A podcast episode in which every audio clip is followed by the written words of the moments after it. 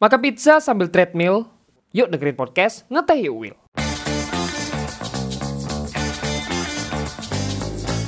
Jangan lupa pakai headphone ya untuk pengalaman yang lebih baik. Uang merupakan alat yang berharga. Kita bisa beli apa saja, apa pun yang diinginkan hati kita.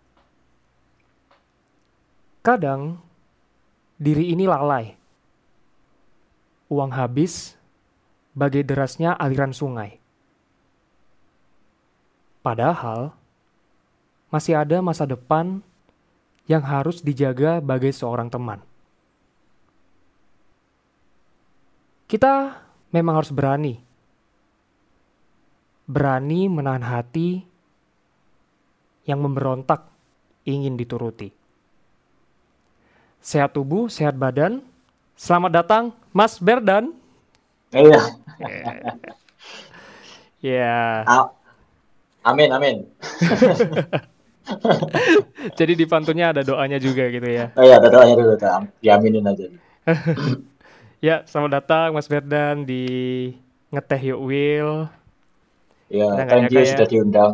Iya, nggak nyangka kita baru kenal itu eh berapa bulan gitu ya. Dan sekarang udah langsung aku aja, Mas, ayo kita podcast. Wah.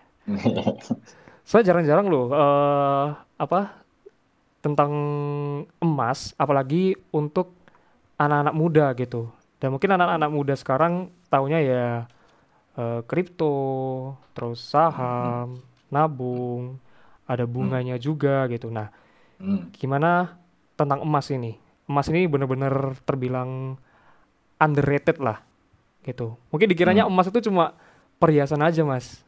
Gitu loh. Hmm, hmm. Cuma perhiasan terus dipakai sama ibu kita gitu.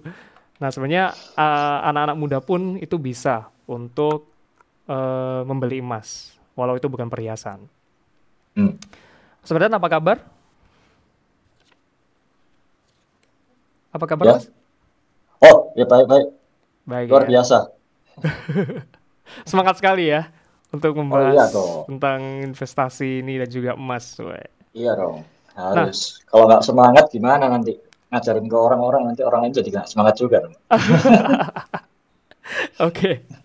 Nah, ini Mas, eh, Hmm. mungkin dari kita sendiri pun tahu ya, kalau fenomena konsumtif di generasi muda itu sangat tinggi. Bahkan aku Ya. sendiri pun juga terbilang anak muda dan konsumtif gitu. Nah, kadang kita butuh eh untuk beli makanan pun itu harus pakai ojek gitu loh, padahal deket rumah.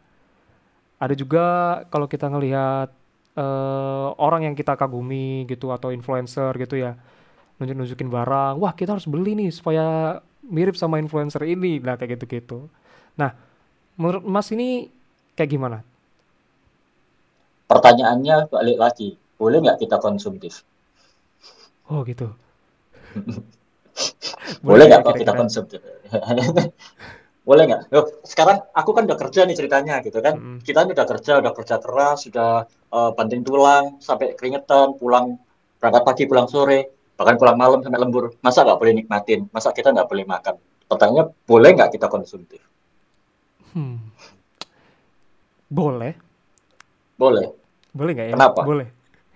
Boleh karena eh, selama itu memang apa yang kita butuhkan atau yang memang Hmm. kita perlu ya nggak apa-apa. Contohnya kayak Hmm. eh, di mana kita harus makan gitu kan, ya Hmm. memang diharuskan untuk beli makan karena itu kebutuhan utama Ya, gitu. tapi itu kan kebutuhan. Kalau konsumtif itu berarti kan keinginan. Keinginan ya. Nah, Gimana Bedakan antara ke- bedakan antara kebutuhan dan keinginan. Kita tuh selalu sering kali dipersulit dengan dua hal yang satu, dua hal ini. Jadi sering kali orang-orang itu bingung milih antara mana sih yang sebenarnya aku butuh, mana yang sebenarnya aku pingin. hmm. Iya iya iya. Nah, konsumtif itu sudah masuk ke taraf keinginan, bukan kebutuhan. Kalau kebutuhan itu kan kayak makan, terus habis itu tempat tinggal dan pakaian, Hmm. terus kasih sayang dari orang tua dan teman-teman, itu kan kebutuhan. Tapi kalau keinginan itu kan eh, sesuatu yang berlebih dari atas sekedar butuh. Jadi misalnya kayak aku pengen makan, tapi Hmm. nggak mau makan yang di pinggir jalan, maunya di restoran mahal, misalnya kayak Oh. gitu. Aku pengen makan roti karena badanku rasanya kayak eh pengen itu ya, jadi aku tak nyemil aja roti. Tapi ojo sih murah-murah, aku seneng sih larang-larang kayak ngono. Nah itu kan udah masuk ke taraf gengsi gitu. Nah Iya. boleh apa enggak gitu. Boleh apa enggak? Hmm. Ini sulit sih pertanyaannya sebenarnya. Kadang emang ada keinginan di mana ah udah lama nih nggak makan yang Ah, ah, mahal-mahal gitu biasanya kan. Ah, iya, Udah iya. keseringan makan yang ah udah biasa Iya. pengen sekali aja pengen makan Iya, yang iya, mahal kayak gitu biasanya. Ah, ah. It- itu itu kalau cuma sekali. Kadang-kadang ada orang yang pengennya tiap kali gitu loh. Ya toh. Iya bener ada. Gara-gara gengsi sama temennya, temennya tiap Hmm. kali ngajak ke tempat restoran mahal, dianya eh, nggak bisa bayar di situ. Hmm. Terus habis itu ketemu sama teman-teman yang belanja-belanja terus hedon kayak gitu, tapi dia akhirnya ah enggak ah kamu aja yang belanja aku enggak gitu. Akhirnya Hmm. merasa paling mohon maaf paling nggak punya di antara grup itu sampai akhirnya dia minder. Ah Nah, ya. banyak kan yang kasus-kasus kayak gitu, terutama di kota-kota besar juga gitu kan. Hmm. Kita kan tinggal di daerah Sidoarjo, Surabaya itu kan wah isinya begituan semua gitu loh. Hmm, hmm. Banyak banget apalagi di Jakarta. Aku Iya punya teman-teman di sana di mana kalau keluar tuh kalau nggak belanja langsung kayak ah ini pasti paling kasta paling rendah nih gitu kayak seperti itu gitu kesannya. Dan dan dan diomong gitu loh. Iya iya. Kalau cuma kalau cuma disindir-sindir doang atau diliatin doang atau dijauhin pelan-pelan itu nggak apa-apa. Ini diomong. Dan itu yang lebih parahnya lagi sampai kayak tahap itu itu aku udah pernah ngalamin. Oh. Nah, jawabannya adalah eh, kalau mau konsumtif itu tidak salah. Tapi, nah ada tapinya. Kalau memang kamu niatnya untuk punya tabungan ke masa depan dan kamu pinginnya ke depannya itu punya masa depan yang baik, kamu mengorbankan masa mudamu, pastikan kamu sudah punya tabungan yang cukup, pastikan kamu sudah punya masa depan yang jelas. Kalau misalnya kamu punya uh, dana cadanganmu itu juga sudah tepat di tempat yang tepat, Hmm. terus habis itu kebutuhan sehari-harimu sudah terpenuhi, terus ada sisa, baru silahkan dipakai habisin, Hmm. pakai uang sisa. Jadi kalau misalnya uang sisanya itu nggak bisa buat bayar ini itu, ya jangan dulu. Hmm. Itu pilihan pertama. Itu kalau prioritasnya untuk masa depan. Iya. Tapi kalau ada orang yang prioritasnya, aku nggak tahu kapan aku mati. Mending tak nikmatin sekarang aja. Kenapa aku nunggu masa depan? Ya kan? Sekarang kan usia kan nggak mesti menentukan ke- kematiannya seseorang. Kadang-kadang ada usia muda udah mati duluan. Tiwasnya sudah hemat-hemat, ternyata aku mati di sian. Duitku sih nerima, siapa kira? Hmm. Sing nikmatin orang lain malah. Mending tak Hmm. nikmatin sekarang. Ya terserah. Itu kan prioritasnya orang masing-masing. Itu hak-hakmu. Kamu kan kerja. Kamu punya uang. Mau pakai buat apa terserah. Mau disobek, mau dibakar, mau dibuat kasih ke orang juga boleh. Kan ada yang larang. Cuman kembali lagi ke prioritasnya yang mana dulu. Hmm. Kalau prioritasnya buat masa depan, ya berani menunda kesenangan. Kalau prioritasnya untuk sekarang ini, silakan habis-habiskan. Jadi emang eh, tergantung dari pribadinya itu dulu, Hmm, pribadinya itu sendiri lagi gitu Mas ya. hmm. Eh, balik lagi deh. Oke.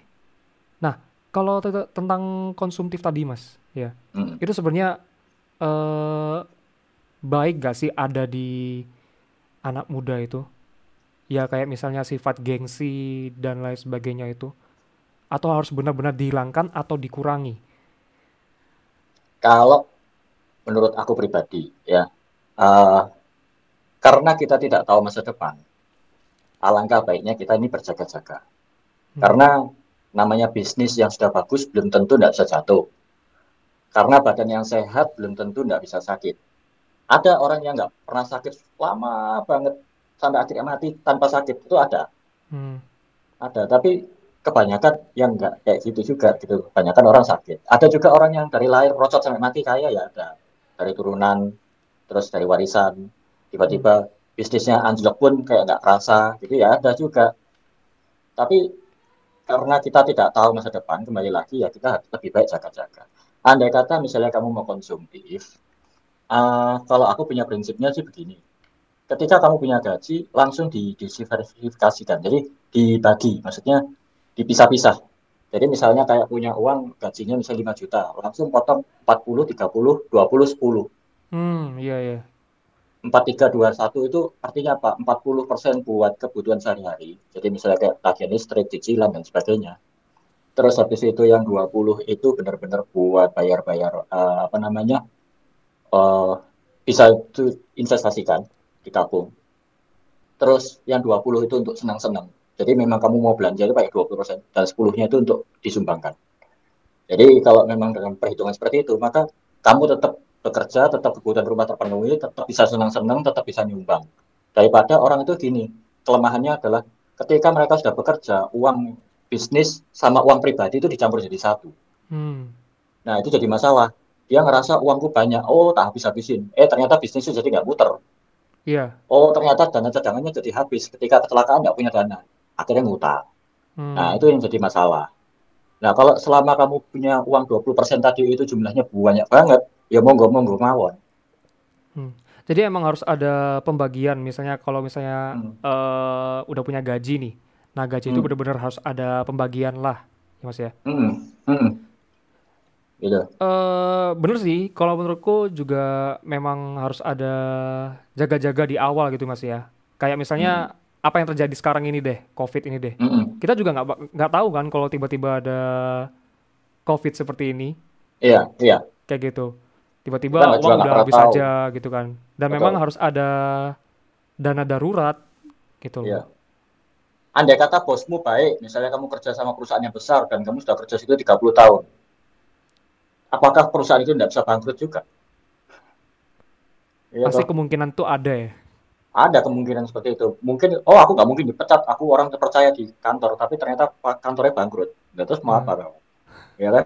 Iya, iya benar-benar. Nggak usah ngapa-ngapain. Jadi ya namanya semua itu rezeki di tangan Tuhan betul memang tapi kita bukan berarti kita langsung oh kan semua sudah disediakan ya kita nyantai-nyantai aja ya enggak gitu juga hmm. burung pun kalau mau bangun pagi dia tetap harus terbang nyari cacing bukan diem di sarang terus habis itu dia langsung bisa gemuk sendiri gitu kan iya jadi emang presentase persentasenya untuk bangkrut itu emang rendah tapi nggak oh. pernah nol gitu mas ya ya ya, ya ada ya. Ya, betul. Nah, uh, mungkin ini juga alasan ya Mas ya, kenapa kok sejak kecil, bahkan aku sendiri waktu sekolah itu diajarkan untuk menabung gitu loh.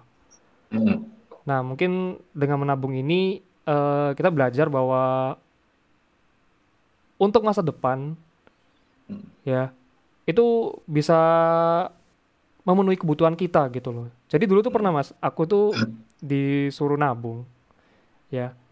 Walau itu cuma lima ratus ribu paling mentok gitu.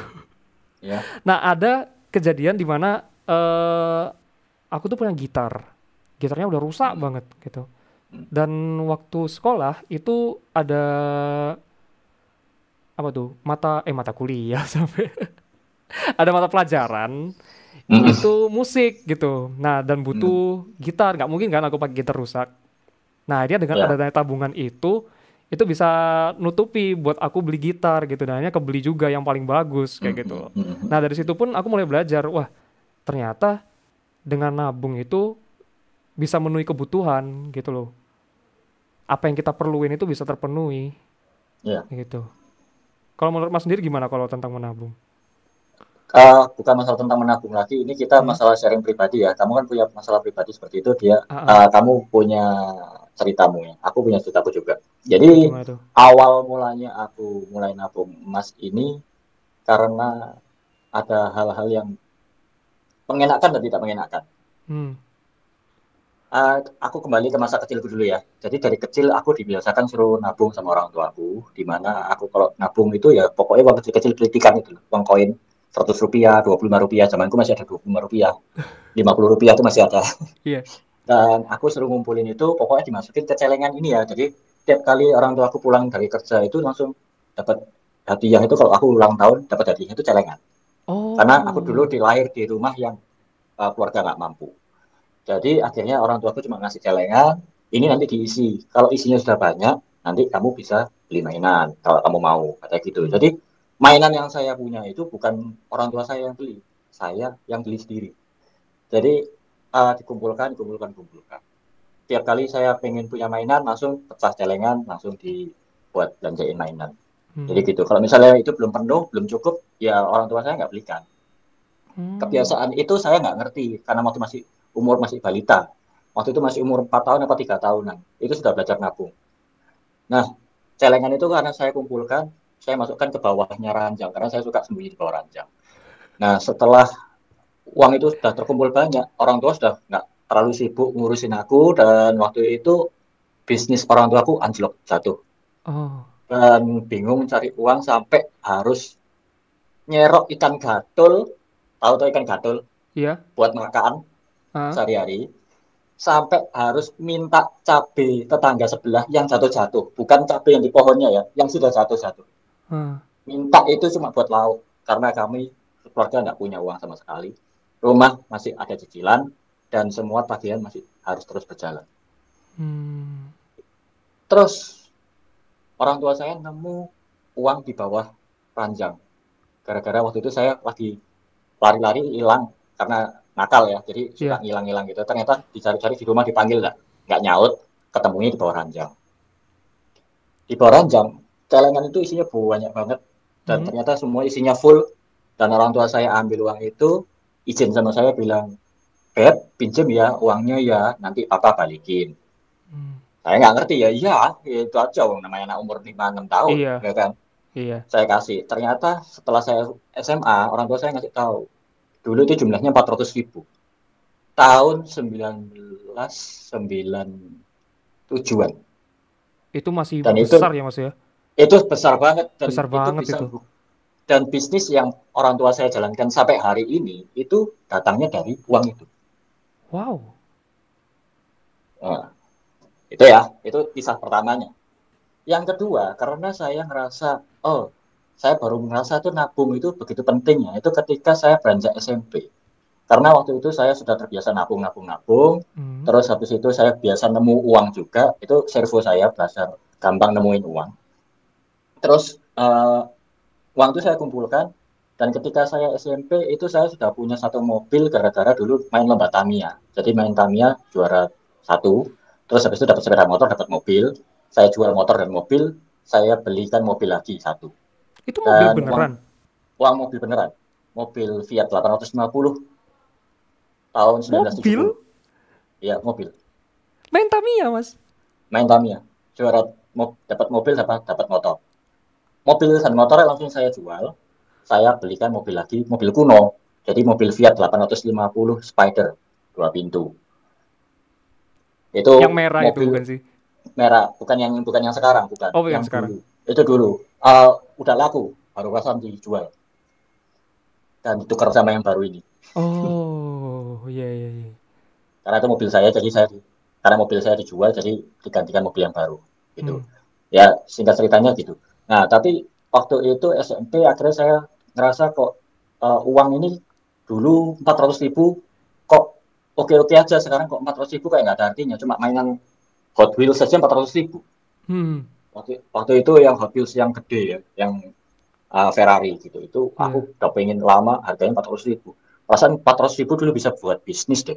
Buka kan, saya buka kantor. Ini kok sampai Iya. cuma jadi mainan doang gitu kan. Terus aku akhirnya mama ngasih tahu kalau oh kalau mau kayak gitu nabung supaya nggak susut dibikin emas. Waktu itu aku nggak ngerti apa-apa. Pokoknya ya Hmm. udahlah tak tak nabung aja emas. Aku minta minta beli kasih tahu tempatnya lah gitu. Pergi ke toko emas di Pasar Atom waktu lalu. Hmm. Terus beli satu gram tok, terus tak simpen. Harganya waktu itu masih 200 ribu satu gram. Satu gram dua ratus ribu. Satu 200 ribu. Masih 200 ribu. Tahun 2000 berapa itu? 2004 apa 2005? Sekitar tahun. Empat. Satu gram Sekarang 200 ribu, satu gram- 250. Satu juta. Satu juta. Satu juta. nah, Oke. Waktu SMA, aku berusaha untuk bisa membiayai rumahku sendiri. Di mana aku tinggal bertiga di satu rumah dan aku pisah dari orang tuaku. Aku sengaja minta kayak gitu, izin. Oh. Boleh nggak gitu? Aku pengen tahu rasanya jadi orang tua itu gimana sih susahnya. Oh, silakan, bagus. Kalau kamu pengen tahu silakan. Go. Oh, ya? Kayak gitu. Diizinin itu. Di sini, di sini. Jadi aku izin, katanya, aku diizinin. Eh, aku mulai kerja waktu itu akhirnya dikeluarkan dari tempat kerjaku. Hmm. ngelamar ke seribu kantor dan tidak diterima. 1014 lebih tepatnya. Jadi ke Pertamina, ke sekolah, ke mana nggak diterima. 1014 kantor. 1014. Aku ada surat lamarannya semua masih tak simpan. Terus Oh my god. Oke. terus nggak terus nggak keterima. Dan akhirnya uang di kantong itu tinggal 5000 Dan waktu itu tanggal jatuh temponya tagihan listrik, wifi, semuanya lah gitu ya. Hah? Terus habis itu aku cek rekening 0,00 BCA 0,00.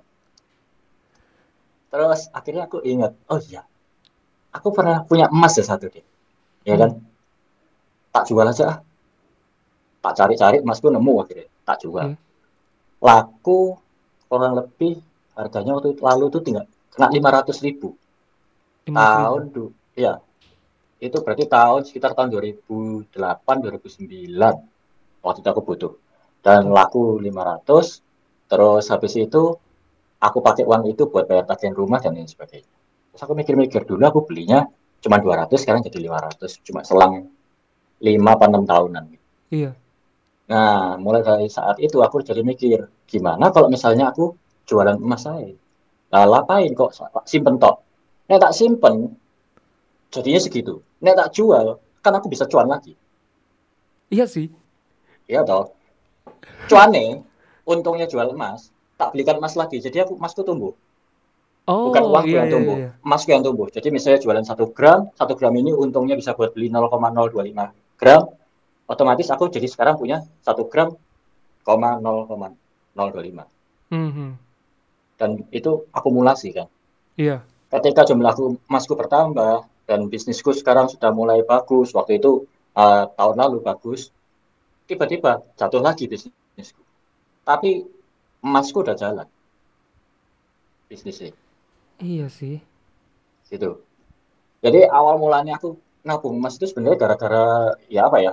Pertama itu ya karena diajarin orang tua untuk nabung, tapi nggak diajarin detailnya bagaimana. Setelah itu aku sisanya belajar-belajar sendiri. Nah, proses belajar itu kan usianya berapa belas, berapa puluh tahun gitu loh. Hmm. Nah, sekarang itu sudah banyak sekali film-film edukasi, bahkan YouTube sudah ada zaman dulu, zamanku belum ada Google bahkan. Iya. Nah, kita sekarang bisa belajar kayak gini, misalnya kayak podcast kayak gini sebenarnya eh, sangat-sangat mempermudah sebenarnya buat teman-teman Hmm. semua di sini kan. Jadi Ya, emang gitu. Mas ini eh, belajar dari pengalaman ya. Ya. Belajar dari pengalaman dan juga eh, kayak dikasih izin orang tua. Iya, iya. Padahal Orang tua sih kayak cuma aja permukaan sih. aja gitu Mas ya. Ah, ah, ah.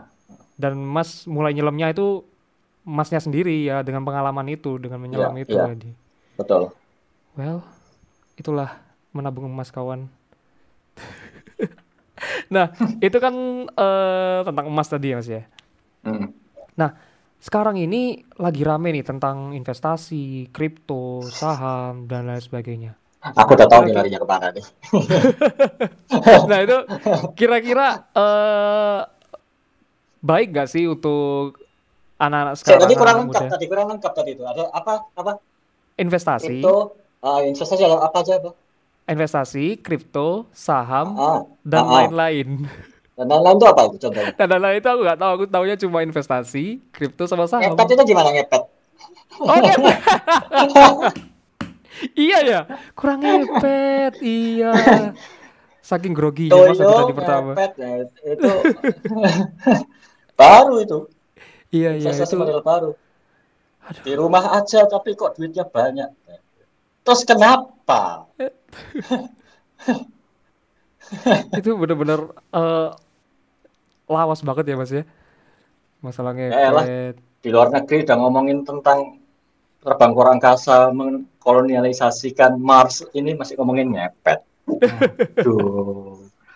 Ini loh yang bikin susah orang susah sogeh gini. Tontonannya apa dhisik. Kemarin ah, waktu lalu aku sempat ngomong deh kamu. Susah kaya gara-gara film. Susah kayak gara-gara film. Ha. Ya, itu. Aku udah bikin video YouTube-nya juga kan itu tentang susah kaya gara-gara film. Tapi aku ganti kaya tanpa ngepet, aku tulis gitu. Ha. Tapi di dalamnya ada penjelasan tentang itu. Nah, ini sebenarnya juga pengaruhnya di situ. Indonesia ini tontonannya kayak gimana sih? Iya ya. Iya, iya you know. Di Kayak- sini kayak gitu-gitu semua. kayak dikasih science gitu kayak kayak nggak payu gitu TV ini langsung Jangan kan TV mas, YouTube aja nggak laku. Yut- lah ya YouTube sing tentang edukasi sama YouTube tentang sing ngeprank-ngeprank akan di sing view Iya, nah heran deh. jadi ya nanti begitu kiri protes katanya nggak ada yang ngajari Gak ada yang aku tuh misui kan rasanya Pemerintahnya gimana? gitu pemerintahnya kan. yang disalahin gitu katanya gimana Iya. ini gitu katanya nggak pernah ada ngajarin Aduh. di sekolah juga nggak pernah ada yang ngajarin soalnya kenapa mohon maaf ya aku dulu juga guru ya Hah? ini aku juga dulu kan pernah jadi guru di sekolah jadi guru bahasa Inggris eh aku punya teman-teman guru juga banyak bapakku sendiri juga guru ya Hmm. jadi jangan jangan salah tangkap aku bukan menghina guru ya di sini aku Hmm. cuma pengen ngasih tahu berapa banyak guru di Indonesia yang jadi orang kaya? Silakan dijawab. Sebutkan nggak- satu guru di Indonesia guru di Indonesia. Cari di Google guru yang kaya raya. Di Indonesia. di Indonesia. Di Indonesia dan luar negeri. Luar negeri bisa punya Lamborghini. Indonesia guru yang punya Lamborghini ada nggak? Gitu guys Oh. Kok aku takut ya? ini agak keras nih. Saya tapi kan Iya. aku sendiri pribadi guru. Orang tua aku guru. Mertua aku guru. Guru les juga. Hmm. ya. Kenapa kok aku menghina guru? Seolah-olah menghina ya. Ini bukan menghina. Aku sendiri juga guru soalnya. Ah, karena apa? Karena gini. Kenapa kok orang Indonesia ini susah banget kaya? Karena gurunya sendiri juga nggak kaya. Gurunya nggak bisa ngajarin jadi kaya. Wong gurunya sendiri nggak nggak kaya Iya, iya, iya, iya. kalau orang-orangnya dipaksakan untuk belajar tentang edukasi tentang emas dari dini, pasti mereka sekarang nggak mungkin sekere sekarang ini. Mohon maaf. Pasti orang sudah kaya-kaya semua. Gurunya pasti harusnya orang kaya. Paling tidak misalnya kamu nggak punya guru orang kaya, undanglah orang kaya untuk jadi guru. Orang kaya yang pintar ngajar, yang punya kerinduan untuk mengajar, seperti youtuber-youtuber yang benar-benar pengen memberikan edukasi, undanglah ke sekolah gitu loh. Hmm. Ini kode ya, undanglah saya gitu. Untung udah diundang di ngeteh Will. Iya. Undanglah saya gitu. Jadi maksudnya kan ya ngajar sekolah supaya anak-anak itu sejak dini, seperti saya dulu waktu masih kecil itu diajarin caranya nabung, gimana cara gini dan alasan-alasannya. Iya. Sebelum kamu ngasih tahu orang lain itu apa itu emas, lebih baik pertanyaannya harusnya diganti. Mengapa emas? Hmm. Ya loh. Kenapa kok harus emas? Kok bukan saham? Kenapa bukan properti? Kenapa bukan kripto? Nah, Kenapa kok emas? Kenapa aku kok ngomongnya cuma emas? iya, kenapa tuh, Mas? Kalau kamu misalnya mau percaya sama suatu perusahaan, kamu percayain perusahaan yang sudah jalan puluhan tahun atau yang baru jalan satu tahun? Yang udah puluhan tahun dong. Oh ya, kenapa? Ya, mungkin mereka sudah tertata dengan baik. Jadi kita Ya. tinggal Exactly. Emas ini usianya sudah berapa tahun? Dipakai untuk transaksi. kalau dari aku sih sejak zaman Nabi. Nah, betul. 1400 Hijriah yang lalu ya Iya. dipakai sama Nabi Muhammad. Ah, Nah, ini ada ceritanya ini. Nah, buat bayar buat kambing, pembayaran, ya ada emas, ada perak, kayak gitu. Iya, ada emas ada perak itu namanya dirham dan ya itu apa namanya? Apa itu jenenge? Satu lagi aku lupa. Aku lupa. Ya situ lah pokoknya. Ya, itu dipakai gitu. Dinar, dinar, dinar. Oh, ya, dinar, dan dinar. Dinar dan dirham. Iya, Ya. iya, iya, iya. Nah, ya.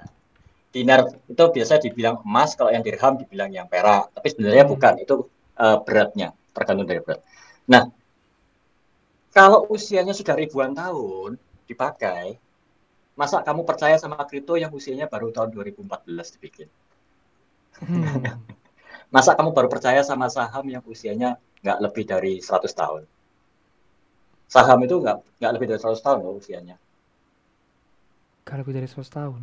Nggak lebih dari Berarti 100 sekitar tahun. 2000 eh 2000. Iya. 1800-an ya, kira-kira segituan ya. Iya, iya. Puluhan tahun, tapi nggak sampai ratusan tahun umurnya. Oh, Saham. puluhan tahun. Ah. puluhan tahun nggak sampai ratusan tahun. Jadi kamu kalau masih mau percaya sama yang pendek-pendek usianya ya silahkan. Iya. Tapi namanya kalau sudah jalan ribuan tahun, itulah yang paling terpercaya. Hmm. Itu makanya kenapa kok emas. Yang kedua, ketika kamu benar-benar punya saham bagus gitu ya, terus habis itu kamu di uh, kamu menginginkan untuk narik uang itu, apakah kena pajak? Nah itu nggak tahu mas, aku nggak pernah soalnya. Kena pajak Oke. kah? Kena, Oh kena. Kena, kena pajak. Dan waktu kamu mau nabung saham, kamu harus punya NPWP supaya tukang pajak bisa meng, uh, detect Motong. kalau kamu punya uang, memotor, memonitor. Oh iya iya. Terus kalau misalnya kamu punya penghasilan dari situ, ditarik pajaknya, pajak penghasilan namanya, Hmm. ya kan? Iya iya iya. Belum lagi kalau uangmu dicuri sama orang, ya kan? Belum lagi pencuri yang tidak kasat mata, namanya inflasi. yes. di mana uangmu tadi, seperti aku tadi bilang, kalau uangmu tadi 200 ribu, dulu ah, 400 ribu bisa buat bisnis, 400 ribu di 10 tahun yang lalu cuma bisa buat beli mainan, sekarang 400 ribu bisa buat beli apa? Buka usaha? Kayaknya Kurang banget. ya, nggak, nggak, bukan usaha yang besar gitu. Papaku Iya. dulu sampai bisa bikin pabrik. 400 ribu itu mas. 400 ribu itu dipakai buat bikin usaha untuk bikin bahan kimia, karena papaku pembuat bahan kimia, kawat las, dan kawat las itu akhirnya mendunia dan bisa buat pabrik. 400 ribu bikin pabrik. Sekarang 400 ribu, oke, misalnya kita masukin 400 ribu ke saham. Nggak mungkin dalam waktu dekat saham itu bisa menghasilkan uh, rumah buat kamu. Itu jangka panjang. Oh. Paling nggak di atas 10 tahun ke atas. Hmm. Misalnya kripto, paling cepat nih ya sekarang ya kripto. Iya ya kan? Apakah nggak naik turun? Naik turun Kalau banget. sih kamu nggak belajar, iya naik turunnya banget. Itu kamu masukin 400 bisa jadi 4 juta besok hari. Iya. Oh, kamu udah senang-senang. Oh, ini tak simpen aja. Buat besok lagi, ah, siapa tahu bisa naik. Minus malah. Iya iya. Jadi nol. Itu terjadi. Itu pun juga menimpa saya. Bukan orang lain. Iya iya iya iya. iya. Baru masukin langsung minus ngerasain. 14 juta. 14 juta. Itu kejadian uh, dua bulan lalu. Dua bulan. Dua bulan lalu. Masukin uang langsung minus 14 juta dalam sehari. Wow. Ngeri juga ya kripto ternyata ya. Iya, iya, iya, memang ngeri. Tapi itu untungnya uang dingin, bukan uang panas. Jadi uang Oh. anggur. Uang 20% yang aku tadi sebutkan di awal. Iya. Yang Nah, benar-benar uang eh, Iya, uang untuk bersenang-senang, gitu loh. Iya. Betul, betul. Jadi ya itu bahayanya. Nah, kalau emas, kamu simpen aja, ya apa ya, lima tahun sekali jadi dua kali lipat. Jadi misalnya mau beli 100 ribu jadi 200 ribu, beli 500 ribu jadi uh, satu juta. Pasti, itu selalu. Dan kalaupun ada inflasi, emas selalu menyamai. Karena kalau orang lihatnya dari sudut pandang uang, ya memang uang itu kayak apa ya, nggak ada artinya lah lama-lama. Namanya juga kertas. Iya. Nah, kalau emas memang tetap bisa sanggup selama-lamanya. Dan itu aku Soalnya dia teman- logam mulia lah anggapannya ya. agak mulia namanya kasih nama mulia ya karena karena mulia itu tadi karena dimuliakan. nggak nggak mungkin dikasih nama yang mulia kalau nggak mulia beneran gitu kan. Iya. Tapi Nah. emang anu gak sih Mas? Eh waktu aku lihat list dari katalognya Mas sendiri, Mm-mm. kalau dulu kan emas kan eh, mungkin paling rendah adalah satu gram.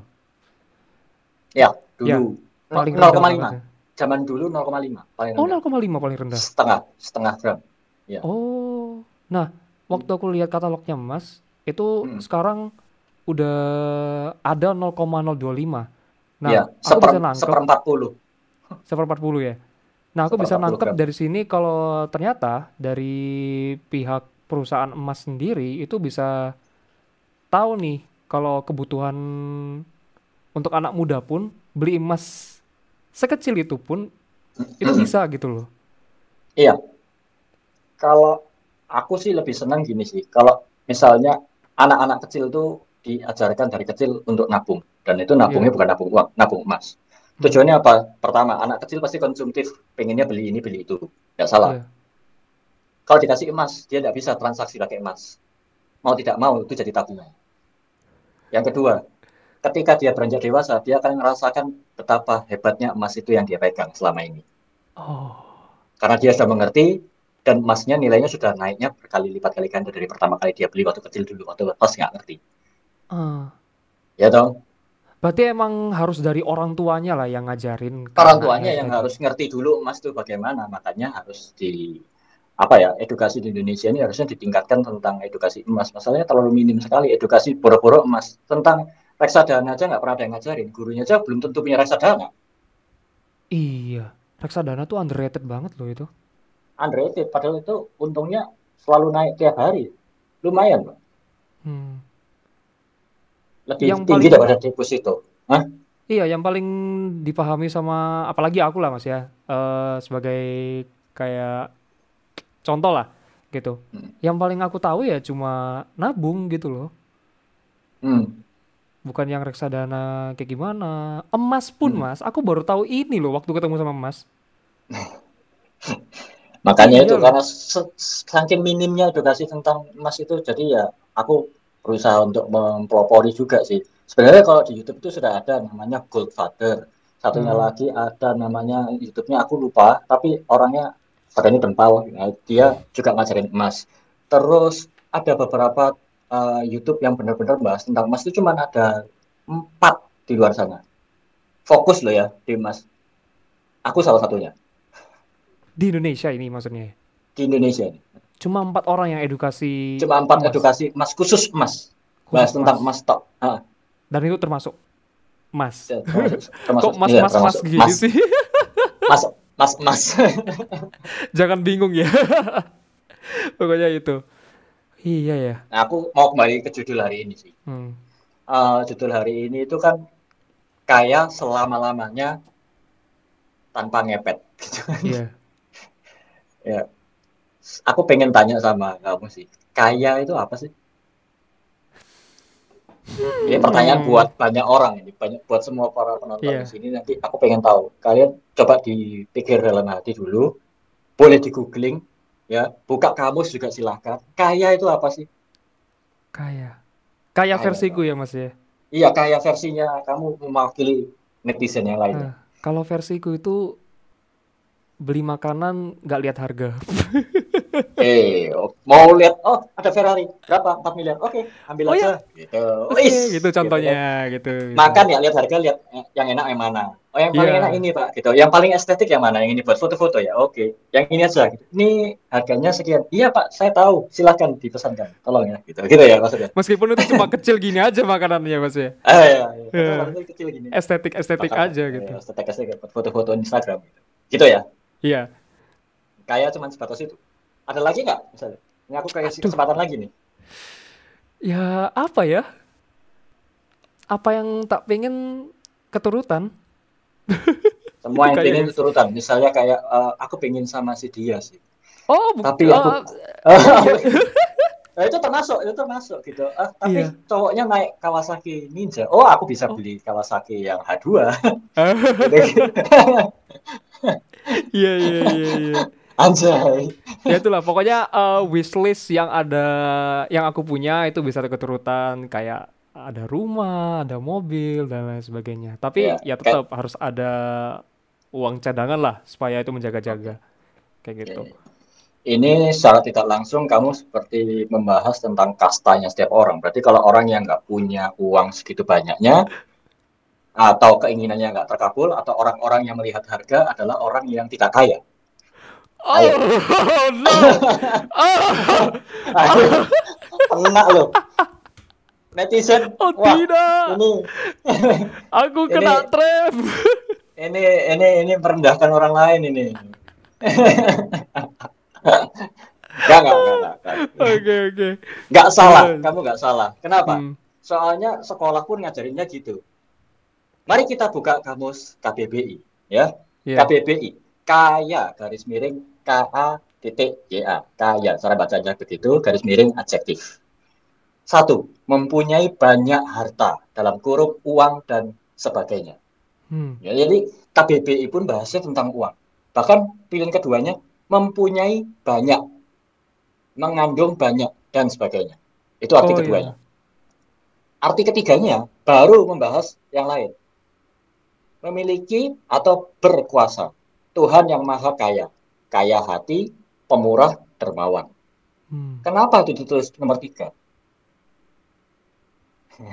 Kenapa kok nggak nomor satu? Bahas Tuhan setelah bahas uang. Iya. Tiba-tiba ada KBBI Tuhan. pun membahas uangnya dulu. Tuhannya nomor terakhir. Jadi kan nggak salah dong kalau penduduk Indonesia ini memikirkan uangnya dulu sebelum Tuhan. Nggak kaget juga orang bisa korupsi, melupakan Tuhan demi uang. Oh. Salah nggak? Oh. Mind blowing. Harusnya kan taruh di nomor satu itu. Iya. Harusnya kan Tuhan nomor Kekayaan itu ada lima. Kekayaan itu ada lima, bro. Nomor satu yang sering dibahas adalah kekayaan finansial. Kekayaan finansial itu selama kamu punya atap, kamu punya pakaian, dan kamu bisa makan, kamu adalah orang yang kaya secara finansial. Karena di luar sana banyak yang nggak punya rumah, banyak yang nggak pakai baju, dan banyak yang nggak bisa makan. Hmm. Entah kamu mau makannya murah, entah kamu bisa makan mahal, pokoknya kamu bisa makan, kamu itu sebenarnya sudah kaya. Hah. Ini untuk orang-orang yang kamu hina tadi itu biar lebih bisa bersyukur.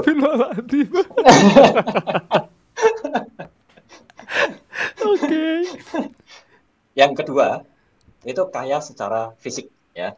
Hmm. Jadi seluruh organ tubuh kamu masih lengkap, masih punya mata, masih punya tangan, masih punya kaki. Oh iya. Ya. Tapi bukan cuma itu, Bro.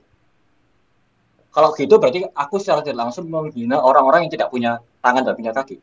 No. Hmm. Sebenarnya kaya secara fisik itu kamu bisa bernafas dan kamu bisa berpikir. Cukup sampai di situ. Nggak peduli kamu nggak punya kaki, nggak punya tangan, kamu nggak bisa lihat, kamu tuli dan buta. Kamu sebenarnya sudah kaya karena kamu masih diberi kehidupan. Karena untuk hidup aja mahal banget di rumah sakit. Apalagi sekarang masalah COVID, kalau kamu mau bayar COVID supaya cepat sembuh, bayarnya ratusan juta. Kamu kena stroke, kamu bayarnya miliaran untuk cuma bisa gerakin satu kelingkingmu aja. Oh my god. Dan itu mahalnya luar biasa. Ya itu kayak secara fisik, gitu ya. Ada orang yang nggak punya tangan dan nggak punya kaki, tapi dia masih jadi motivator terkenal. Namanya Nick Vujicic. Kalau nggak percaya, cari di Google. Namanya Nick Vujicic. Tulisannya V U J I C I C. Vujicic. Dia nggak punya tangan, nggak punya kaki, tapi dia jadi motivator hebat dunia. Kelas pernah dunia. tahu deh. Pernah tahu ya? Iya. Iya. Oke, lanjut lagi yang ketiga. Kaya akan kesehatan. Jadi kamu udah bisa predik- prediksi lah maksudku ya. Iya. Kaya Ada orang akan yang- kesehatan. Iya, kaya akan Oh, kesehatan. Jadi kamu nggak punya sakit flu aja nggak ada gitu. Jadi untuk saat ini kamu sebenarnya jadi orang yang kaya karena kamu sekarang sehat. Hmm. Operasi jantung harga berapa? Operasi stroke berapa? Nggak sakit covid berapa? Obat batuk aja paling murah berapa? Kamu sudah menghemat sekian miliar. Hmm. Kamu nggak perlu jual ginjal untuk membeli headphone yang kamu pakai kan? Kaya kan? Iya iya iya iya. Ya, ada orang yang juga dia punya penyakit, tapi dia tetap jadi orang hebat di dunia. Semua orang mengenal dia, dan dia mendapatkan Nobel Prize. Padahal dia itu lumpuh dan tidak bisa ngomong, bisu. Namanya Stephen Hawking. Iya, Ya, Betul. tahu kan ya? tahu. Kaya nggak sih dia? Kaya banget dong. Wow. Iya iya iya. Yang keempat, kaya secara sosial. Punya teman yang sayang sama kamu itu sebenarnya kamu sudah kaya. Karena banyak orang yang susah banget bikin teman.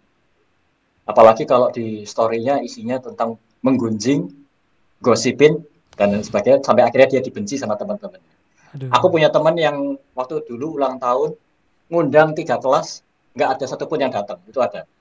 Ya Allah, kasihan banget. Kasihan banget. Ngenes, ngenes, ngenes. Nah, ada orang yang kaya secara finansial, tapi saking sibuknya dia untuk kerja, sampai dia tuh nggak punya waktu luang untuk ketemu sama orang kayak kita sekarang ini, kita ngobrol-ngobrol. Eh, akhirnya dia nggak punya teman. Dia punya rekan bisnis, yes, tapi nggak punya Yes. teman. Hmm. Jadi sebenarnya dia juga eh, miskin secara pertemanan, jadi miskin sosial, artinya gini. Hmm. Efek sampingnya apa? Kalau kamu punya uang banyak tapi kamu nggak pernah punya kasih sayang sama temen, kamu jadi orang yang egois. Marah-marah sana sini, nggak peduli tetangga, korupsi dan sebagainya. Iya. Itu orang yang kaya, eh, miskin secara sosial. Jadi meskipun kamu punya uang triliuner dan kamu itu nggak peduli rakyat, kayak koruptor, itu kalian adalah orang yang miskin sosial. Ini harus di highlight ini. Highlight, highlight. Iya, harus di highlight Yang- banget ini. Yang terakhir, kaya secara hati. Ini nomor lima. Masih ingat Tuhan dan masih bisa bersyukur, itu kaya secara hati. Kekayaan yang satu ini itu nggak semua orang punya, dan kalaupun punya, nggak semua orang itu sadar dan bisa mensyukuri. Hmm. Nomor satu sampai empat kalau punya semua tapi nggak pernah bersyukur, itu sebenarnya kamu miskin secara hati. Artinya kamu masih nggak punya Tuhan. Kamu nggak sadar kodratmu itu siapa. Semuanya ini sebenarnya titipan Tuhan. Kesehatanmu, sosial yang kamu alami, keuangan yang kamu miliki, dan semua yang kamu ada sekarang ini sebenarnya itu cuma titipan. Dan banyak orang itu nggak menyadari itu. Mungkin karena uh, yang itu tuh nggak terlihat secara fisik lah mas ya. Exactly. Nah, lima tipe kekayaan ini memang memiliki tingkat kesulitannya masing-masing, tapi tergantung dari background setiap orang juga, gitu loh. Jadi pendidikan, agama, sosial, ekonomi, bahkan takdir, bukan hmm. nasib loh ya. Jadi kalau takdir itu kamu dilahirkan sebagai laki-laki, kamu tidak bisa milih jadi cewek. Yes. Takdir itu sesuatu yang nggak bisa kamu pilih. Kamu lahir di orang tua siapa namanya, kamu tidak bisa milih. Tapi nasib itu kamu yang menentukan. Kamu mau jadi orang yang kaya kamu nabung kalau kamu pengen orang yang nggak kaya ya silakan konsumtif itu aja simpel hmm. Nah ini kenapa kok sekarang aku fokusnya kok ke finansial kenapa kok nggak kayak yang lain-lainnya karena memang nggak menarik gitu ya memang nggak menarik jadi orang-orang itu memang nggak tertarik dengan hal-hal yang spiritual yang bahas tentang kebaikan coba spiritualnya tentang dukun wow banget wah apalagi dukun yang menghasilkan uang gitu kan nah udah dukun uang pula Tuh, Aduh. lengkap. Langsung Miskin. Gitu. Viewersnya langsung naik gitu. Ya itu. Karena yang terakhir ini paling nggak menarik dan yang diutamakan bahkan kamu KBBI pun yang bahas finansial duluan. Iya. Makanya mental Indonesia tentang agamanya bobrok, kalah sama duit. Langsung terbongkar semua nih di podcast ini ya. Hmm. Wow. Hmm. Nah, tadi kan udah bahas tentang Yo. emas ya Mas ya. Yuk. Uh, terus kan emas tuh macamnya juga banyak. Betul. Ada yang dalam bentuk batang yang biasa kita lihat. Ya. Atau di film-film gitu yang balok-balok kayak gitu kan. Uh, buat daripada banyak anu contoh nanti aku kasih gambarannya ini biar. Nah, itu. Nah, itu ya. Ini ya. yang satu gram. Itu yang satu gram. Ini satu gram. Terus yang paling kecil yang kamu tadi bahas itu kan yang 0,025 tuh. Iya, perbandingannya 0,025. perbandingannya segini. Ini tebel ya, yang ini tipis banget. Jadi ya beda ya. Iya. Jadi teman-teman yang mendengarkan lewat Spotify bisa di searching aja. Tapi mm -hmm. teman-teman yang nonton di YouTube bisa lihat langsung live di sini. sip sip. gitu ya. Nah, mm -hmm. itu ada yang batang ya Mas itu ya. Berupa mm -hmm. batang. Terus ada juga yeah. yang biasanya ibu-ibu suka gitu ditaruh di tangan. Ya perhiasan kayak cincin, perhiasan. kalung gitu kan. Uh, terus ada juga yang digital yang aku dengar. Oh, terpencet? Oke, okay. uh, eh, bentar, lagi terputus. Halo mas? Halo bu, sorry tiba-tiba putus. Iya, tak kira mati lampu. aku kira apa? Iya, aku langsung okay. ke WA mas gitu langsung. Iya, aku juga centang centang satu gitu. Mati lampu iya. jangan-jangan. Enggak, enggak. Bayar listrik. nah, tadi ya uh, uh, contoh Mas ya, ada yang batang, ya, perhiasan dan juga yang mm. digital. Nah, itu yang lebih baik yang mana, Mas? Oh, oke. Okay. Wih, pertanyaannya bagus nih. Yang lebih baik adalah uh, fisik yang fisik. Okay. Yang fisik. Period. Jadi uh, kenapa kok nggak yang digital? Kenapa kok nggak yang uh, Iya, kenapa kok ada yang digital, ada yang fisik? Yang bagus yang fisik. Nah, fisik yang bagus juga yang batangan, bukan yang perhiasan. Singkatnya hmm. begitu. Nah, kenapa kok nggak yang digital aja? Aku yang paling sering kan anak sekarang kan nggak mau yang fisik ya, maunya yang digital. Digital itu ketika kamu beli uh, memang pakai uangnya kecil-kecil, mulai dari 500 rupiah itu bisa. Itu hmm. di Shopee. Kalau di tempatnya Tokopedia, kamu bisa mulai nabung dari 10 ribu. Jadi, hmm. aku udah pernah ngajarin ini sebelumnya. Di mana kalau kamu nabung emas kayak gitu, kamu ada waktu kalanya kamu benar-benar mau jual. Ya kan? Kamu mau jual, itu kena potongan-potongan-potongan dan sebagainya. Hmm. Dan ada pajaknya. Terus kalau misalnya kamu mau tarik, mau ambil emas fisiknya, itu masih ada ongkos cetak. Gimana kalau misalnya kamu beli online, selalu kebanyakan nih orang-orang yang beli emas secara digital mesti banding-bandingin harga, price policy sama aku. Oh. Ah, koko ini jual emasnya mahal. Harganya kan 950. Wong di internet kok cuma harganya 800 kok, aku beli di Shopee. Pernah aku kena kayak gitu. Terus aku bilang gini, oke, okay, nggak apa-apa. Kalau memang kamu udah terkumpul satu gram harga 800, tolong ditarik, ya, jadikan emas batangan kamu pegang. Hmm. Aku pengen tahu, kena berapa biayanya? Silahkan, tak gitu. Iya. Dia tarik akhirnya. Kena satu juta seratus, Oh. punyaku masih tetap 950, bro. Udah fisik. Dan kekeh sama yang digital terus dicetak. Nah, Waduh. kalau kamu bener-bener pengen nabung, masa kamu relain sih uang cuma buat ongkos cetak kemasan? Niatnya beli emas apa beli kemasan? Hmm. Kalau kamu jual, meskipun kamu belinya di online maupun belinya secara fisik, ketika kamu jual, tetap ngikutin satu harga yaitu harga buyback. Harga buybacknya pada saat itu harganya 800. Jadi waktu itu aku jual 950, kalau dijual kembali ke aku, tak belinya 800. Itu Hmm. emas, gitu loh. Kapan waktunya waktu jual emas yang paling bagus? 3 sampai 5 tahun ke atas. Karena kamu sudah menang. Oh. Harga buybacknya sudah setara sama harga emas yang pertama kamu beli. Dan kalau lima tahun, itu tiga tahun ya. Kalau lima tahun, harganya sudah dua kali lipat dari harga emas kamu beli. Hmm. Misalnya beli 500, berarti kamu jual bisa jadi satu juta kalau lima tahun. Kalau kamu jualnya tiga tahun, kamu bisa dapat terima uang 500 juga. Oh. Itu mas. Iya iya. Nah, iya. kalau kamu jual beli hari ini, jual hari ini, langsung turun. Nah, kalau kamu beli yang di online satu juta seratus, terus kamu jual jual 800, kan kamu sudah rugi juga. Padahal Iya. 200 itu kamu bisa buat tabung emas lainnya lagi yang kecil-kecil. Mm-mm. Rugi banget Itu. tuh. Beda 300 Rugi ribu banget, sih. Ge- gede banget. Lah itu kalau emasnya cuma satu gram, kok masih wah, gede, sing 10 gram. Tambah bingung. Tambah rugi. Karena Iya. ongkos cetaknya 5 gram itu, kalau kamu pergi ke toko emas, 5 gram itu kena 35.000 per gram. Jadi kalikan 5 gram ya berarti sekitar 175 ya. Kalau nggak Iya, itu kan. iya segituan. Ya, sekitar segituan. Berarti Iya. ya kamu udah rugi segitu dong. Ah, Ada ongkos cetak soalnya. Kalau ke online per gramnya 175 sampai 200 ribu hmm. per keping. Ya, buang-buang duit, ngapain beli kemasan? Gitu. Aku selalu bilang gitu. Mau beli kemasan apa beli emas sih gitu kan?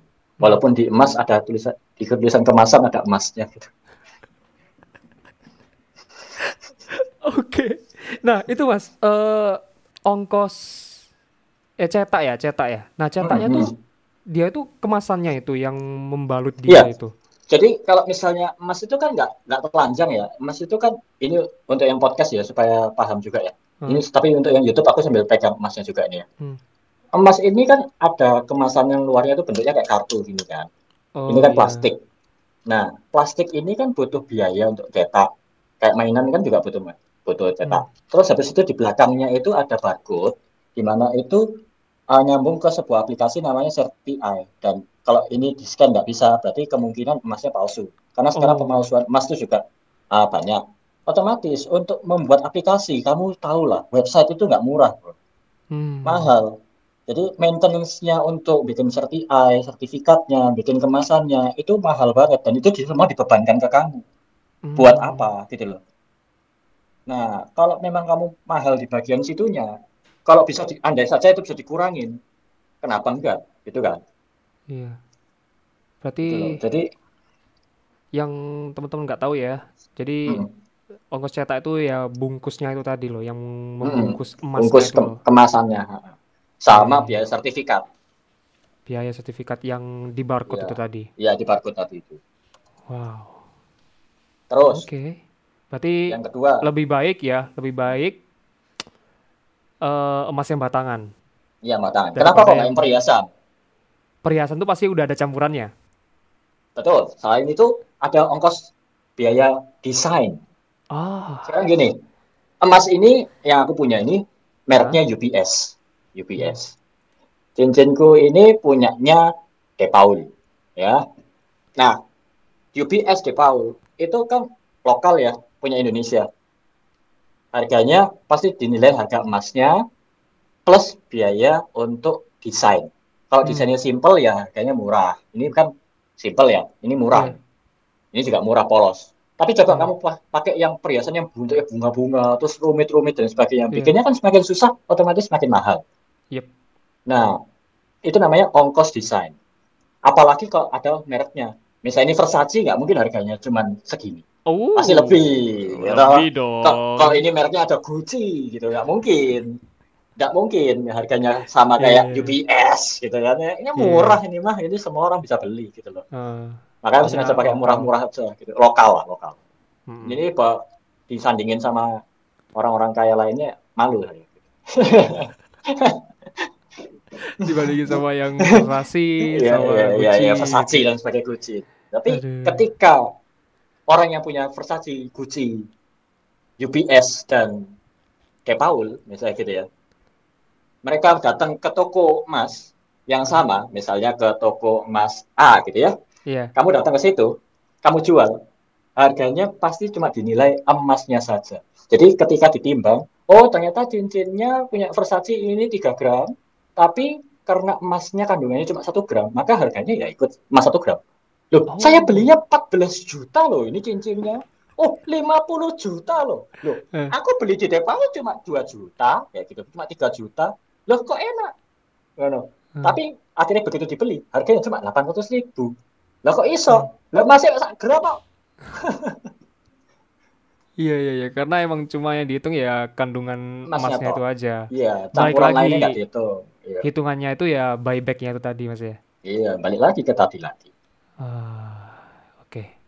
Jadi sudah mulai tercerahkan ya teman-teman di Iya. sini untuk memilih emas baiknya yang mana gitu. Nah, Tapi Mas di batangannya sini, belum tak bahas. Hah? Batangan belum selesai nih. Belum. Oh, batang tak belum. Tadi Oke, kan perhiasan sama satunya kan online. Oh iya. Iya. Iya ya, lupa. Iya. Iya, batangan batangan gimana Mas? Nah, sing batangan? itu ketika kamu beli yang secara fisik, misalnya di toko emas yang biasa-biasa, sing harganya pokoknya pilihan sing paling murah ya, nggak usah bingung. Pilihan sing toko mana kamu banding banding nggak apa-apa, banding ke toko emas, banding ke mana, paling murah mana, terus tanya oh, ketika buybacknya berapa, kamu hitung perbandingannya antara harganya orang ini jual sama harga buybacknya, lebih untung di toko mana. Hmm. Nah, itu. Terus kalau batangan itu nggak kena pajak, bro. Ongkos cetaknya sudah include di dalamnya. Jadi nggak Hmm. nggak ada nama lagi ongkos cetak kayak di online. Juga nggak ada ongkos produksi karena dia cuma batangan dicetak jebret ya sudah, mari gitu. Tak nggak ada tambah-tambahan lagi. Jadi Hmm. lebih untung. Pokoknya cari yang harga paling murah seminim-minim mungkin dan cari harga yang buybacknya paling tinggi setinggi-tingginya. Hmm. Berarti kita bisa cari harga yang paling murah beli emasnya Mm-mm. dan buybacknya juga kita cari-cari lagi atau tetap di tempat itu. Ah, ini ini aturannya toko emas. Di mana kalau kamu beli di toko A, kamu harus jual di toko A. Kenapa? Karena toko B, C, D, sampai Z semuanya akan menolak emasmu. Oh. Mereka akan bilang, "Eh, oh, kamu belinya di mana? Toko ini. Oke. Notanya gini, pasti harganya jauh lebih rendah dibandingkan toko A. Kenapa? Hmm. Karena itu etikanya berjualan emas. Supaya orang lain kembali lagi ke tokomu. Oh. Dan begitu juga aku kalau punya aturan, misalnya kamu beli di toko A, aku harus kasih harga buybacknya murah. Supaya orang itu kembali ke toko sana. Itu sudah etikanya. Oh. Itu sudah ada Jadi perjanjian emang- sumpah serapahnya emang- para toko emas. Ah, jadi udah ada perjanjiannya sendiri lah ya Perjanjiannya di sendiri. tiap toko itu. Hmm. Oh, iya iya. Sehat Gitu. berarti. Ya, sehat, Sehat sehat dan banget. sempurna, sehat, sehat sempurna. Iya iya iya iya. Wow, Alasannya kenapa? Hah? Alasannya kenapa? Padahal kamu bisa Kenapa dapatin harga emas murah. Tapi kenapa kamu nolak? Kenapa? Soalnya gini, kalau misalnya aku nerima emas itu harganya mahal, Hmm? dia ngaku dari toko A, tiwas tak gesek, ternyata emasnya palsu.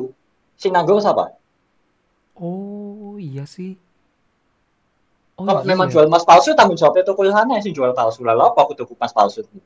Oh, Nah kalau kalung, ternyata ditukar kalungnya. Ini aku belinya punya Versace misalnya, Ah. misalnya ya. Ternyata dikasih UBS, tapi notanya Versace. rugi dong aku. Iya sih. Rugi. Iya, iya. Jualin lagi ke toko sana, urusanmu. Gitu.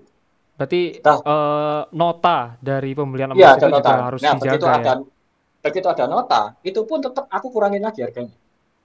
Ah. Aku jujur ini terang-terangan belak-belakan. Ini toko emas semuanya begitu. Hmm.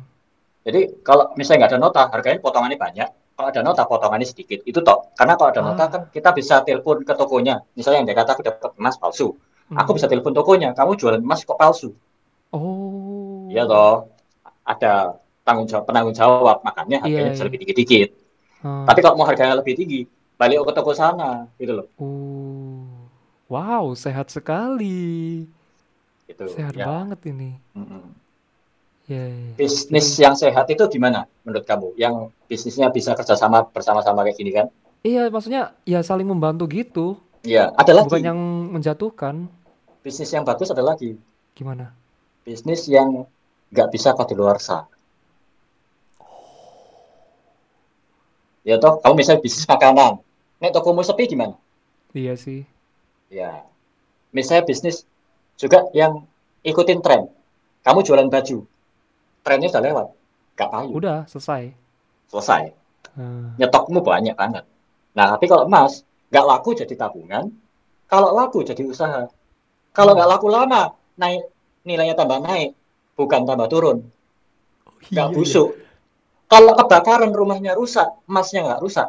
Meskipun emasnya rusak, cair, tetap bisa laku dijual. Terus habis itu kamu punya bisnis, antar toko tidak ada saingan. Mau tokomu rame, kamu sugih. Mau tokomu sepi, santai-santai aja. Iya Kenapa? ya. Kamu lihat toko emas mana ada yang bangkrut di masa pandemi? Wes gitu aja. Iya ya. Aku lihat di Sidoarjo ini pun. iya. Aku lihat di Sidoarjo ini loh, Mas. Lihat di Iya. Sidoarjo ini yo tetap rame gitu loh. Ah, tetap rame. Tambah rame malah. Iya. Kenapa? Karena kami menjual kepanikan. Oh iya, nilai uangmu udah turun loh. Yang nilainya naik emas loh. Woi. Toko. Iya ya. Waduh. Nih bisa jadi bisnis buat teman-teman tapi juga lumayan beresiko nggak sih Mas kalau misalnya jualan emas itu? Resiko. Beresiko juga Resikonya ya? apa? Resikonya apa? Dicolong. Enggak, resikonya perampok.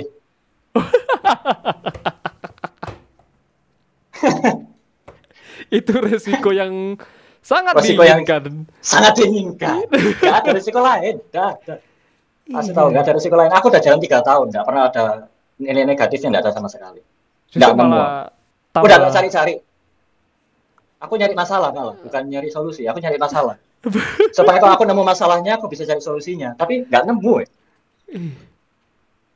Wow. Karena kamu pernah tahu nggak ada toko emas yang di pinggir jalan, terus sepi, nggak ada pengunjungnya, cuma ada orang yang nyapu-nyapu di situ, gitu. Nah, Yang pemiliknya cuma duduk di situ, ama-ama. justru dia Iya, tambah kaya. Loh, tapi kok nyantai? Karena Kenapa? soge. Karena kita soge. Tokonya misalnya sepi lima tahun, ya toh? Iya. Nggak ada pengunjung.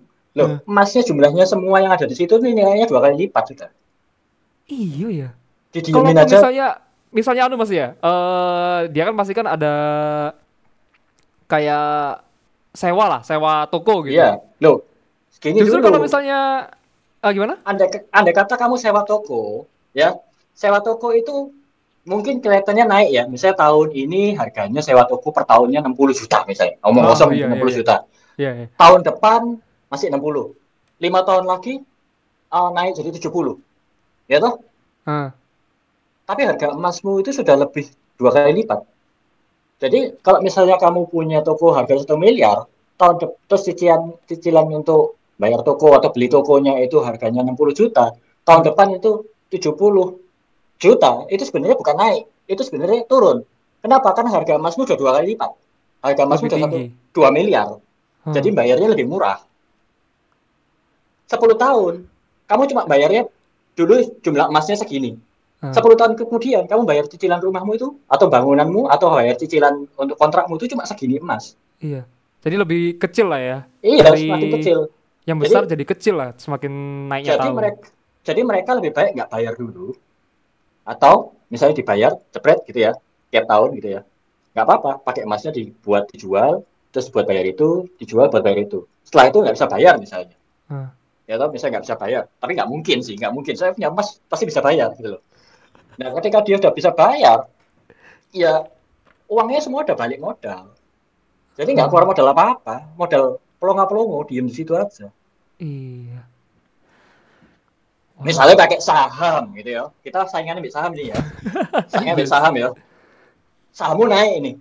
Ah, terus kena pandemik. Pabriknya gak penghasilan. Kayak turun. kemarin itu L- LPG turun. Tagihannya munggah dari 60 jadi 70 karena inflasi. Piye kok ah, bingung wis. bingung. Terus nunggu nyairinnya dulu. Nagihnya hari ini. Belum lagi Wow. kamu nag kamu ditagih 70 uangmu pas ada 70 kamu cairin. Gak jadi 70 kena pajak. Tinggal 65 ngutang 5 juta masih ambil rentenir Wow, podcast ini penuh dengan mind blowing ya ternyata. itu dia makanya kenapa mas gitu kan Iya. Nah, udah Mas. Tadi kan udah membahas tentang batang, eh Mas batang, Mas perhiasan dan juga Mas digital. Hmm. Nah, ada pertanyaan tentang eh kalau pembayaran nih, itu lebih baik Hmm. cash, kartu kredit atau emas? Gini ya kalau masalah sistem pembayaran ya Ah, Indonesia ini undang-undangnya sudah jelas. Kalau pembayaran yang berlaku di Indonesia ini hanya satu rupiah mata uang rupiah. Iya. nggak boleh kamu pergi ke pasar mbak ah, sayurnya 5 kilo saya bayar pakai emas mini 0,025 ya gitu nggak bisa. Hmm. atau mbak saya pakai dua lembar saham ya untuk beli sepeda motor misalnya gitu. Nggak Hmm. bisa. Jadi semuanya harus pakai rupiah. Tapi kalau untuk simpanan uh, semuanya tiga-tiganya itu penting. Yang penting nomor satu emas itu karena untuk jangka panjang ya. Hmm. usah dibahas lagi lah kita udah bahas Iya. tadi. Yang kedua yang cash. Cash itu dana darurat. Karena kalau kamu tiba-tiba tabrakan kecelakaan nggak mungkin tiba-tiba kamu mau bayar oh mas maaf ya tadi habis nabrak. Ini saya bayar pakai emas nggak mungkin teaplok kamu Iya. sama orang yang nabrak. Ah, meskipun emas ya mahal gitu orang tuh tahu tapi pengennya uang cash gitu. Jadi cash itu untuk dana darurat. Dana darurat yang jangka pendek jadi misalnya kayak untuk kecelakaan atau mungkin untuk sakit atau untuk misalnya rencana ke depan ini kita mau pergi ke luar kota itu lebih baik dikasihkan saja karena emas itu jangka panjang nggak bisa hmm. Nah, kalau kartu kredit itu bagusnya adalah ketika kamu pakainya dengan benar. Dengan benar itu gini, jangan pakai kartu kredit ketika kamu pas nggak ada uang. Misal, banyak kan orang gini, wah uang tinggal terakhir nih, akhir bulan nggak ada uang pakai kartu kredit dulu lah. Nanti kan setelah itu gajian kita bisa bayar kartu kredit. Ah, Kan bisa gitu kan, ya kan? Akhirnya baru awal bulan uangnya sudah habis karena buat bayar kartu kredit. itu sama aja kayak pay later pay later itu kan. Betul, betul, betul, betul. Nah, resikonya adalah gini. Kenapa kok banyak orang punya gaji 10 koma, tanggal 10 sudah koma? Karena karena tanggal 1 sudah buat bayar cicilan, Iya. tanggal 2 sudah nggak bisa buat ini itu, tanggal 3 sampai tanggal 10 sudah akhirnya ya Indomie doang di rumah sama Proma. Oke. Iya, iya. Lebih parahnya lagi gini, tanggal 1, aduh ini sudah cicilannya muncul lagi, nggak dibayar dulu. Wah, lebih parah lagi. Hmm. bulan berikutnya cicilannya tambah dua kali lipat. Akhirnya nunggak didatangi debt collector, Hmm. disita jaminannya. Ya toh. Itu resiko yang paling besar. Nah, Hmm. cara penggunaan kartu kredit yang benar bagaimana? Pakailah kartu kredit saat kamu punya uang. Jadi pas kamu nggak butuh duit, justru ngutang kok. Pas Ngutang itu jangan. tadi? Jadi ngut kartu kredit kan utang loh, utang sama bank. Ah. kalau mau ngutang itu pas jangan kamu pas lagi nggak ada duit baru kamu ngutang ngutang mau itu Hmm. pas waktu ada duit pertanyaannya lah apa aku duit duit kalau aku ngutang Ah. nah ketika kamu punya uang uang ini kan kamu investasikan ke reksadana misalnya ke saham atau ke emas gitu ya kamu buat tabungan nah uangmu otomatis kan susut nih habis nih Hmm. tapi kan simpanannya akeh Hmm. Nah, kamu ngutang kok sama bank pakai kartu kredit. Kalau misalnya waktu dibayar, ya cairno ini bunga-bunganya. Bunganya, Hmm. uangmu udah kerja buat kamu, bunganya buat bayar utangmu. Jadi kamu nggak kerja. Oh, ya. gitu loh. Itu kalau Jadi aku yang ngambil- berbunga ya. Iya, pasti Iya. semua nama investasi harus yang berbunga gitu kan. Hmm. Bukan bunga lah, istilahnya apa? Bagi hasil. Kalau Bagi berbunga hasil. itu kan ri- riba itu kan haram ya kalau di Nah, muslim. iya. Nah, Iya, jadi benar-benar aku benar-benar menghindari sih Mas itu. Iya benar-benar. Jangan jangan riba. jangan berbunga. Aku sendiri juga nggak mau berbunga, nggak setuju aku dengan bunga. Aku Oh, pribadi kan? juga nggak boleh. Agama apa pun buat aku tidak mengajarkan bunga itu halal ya.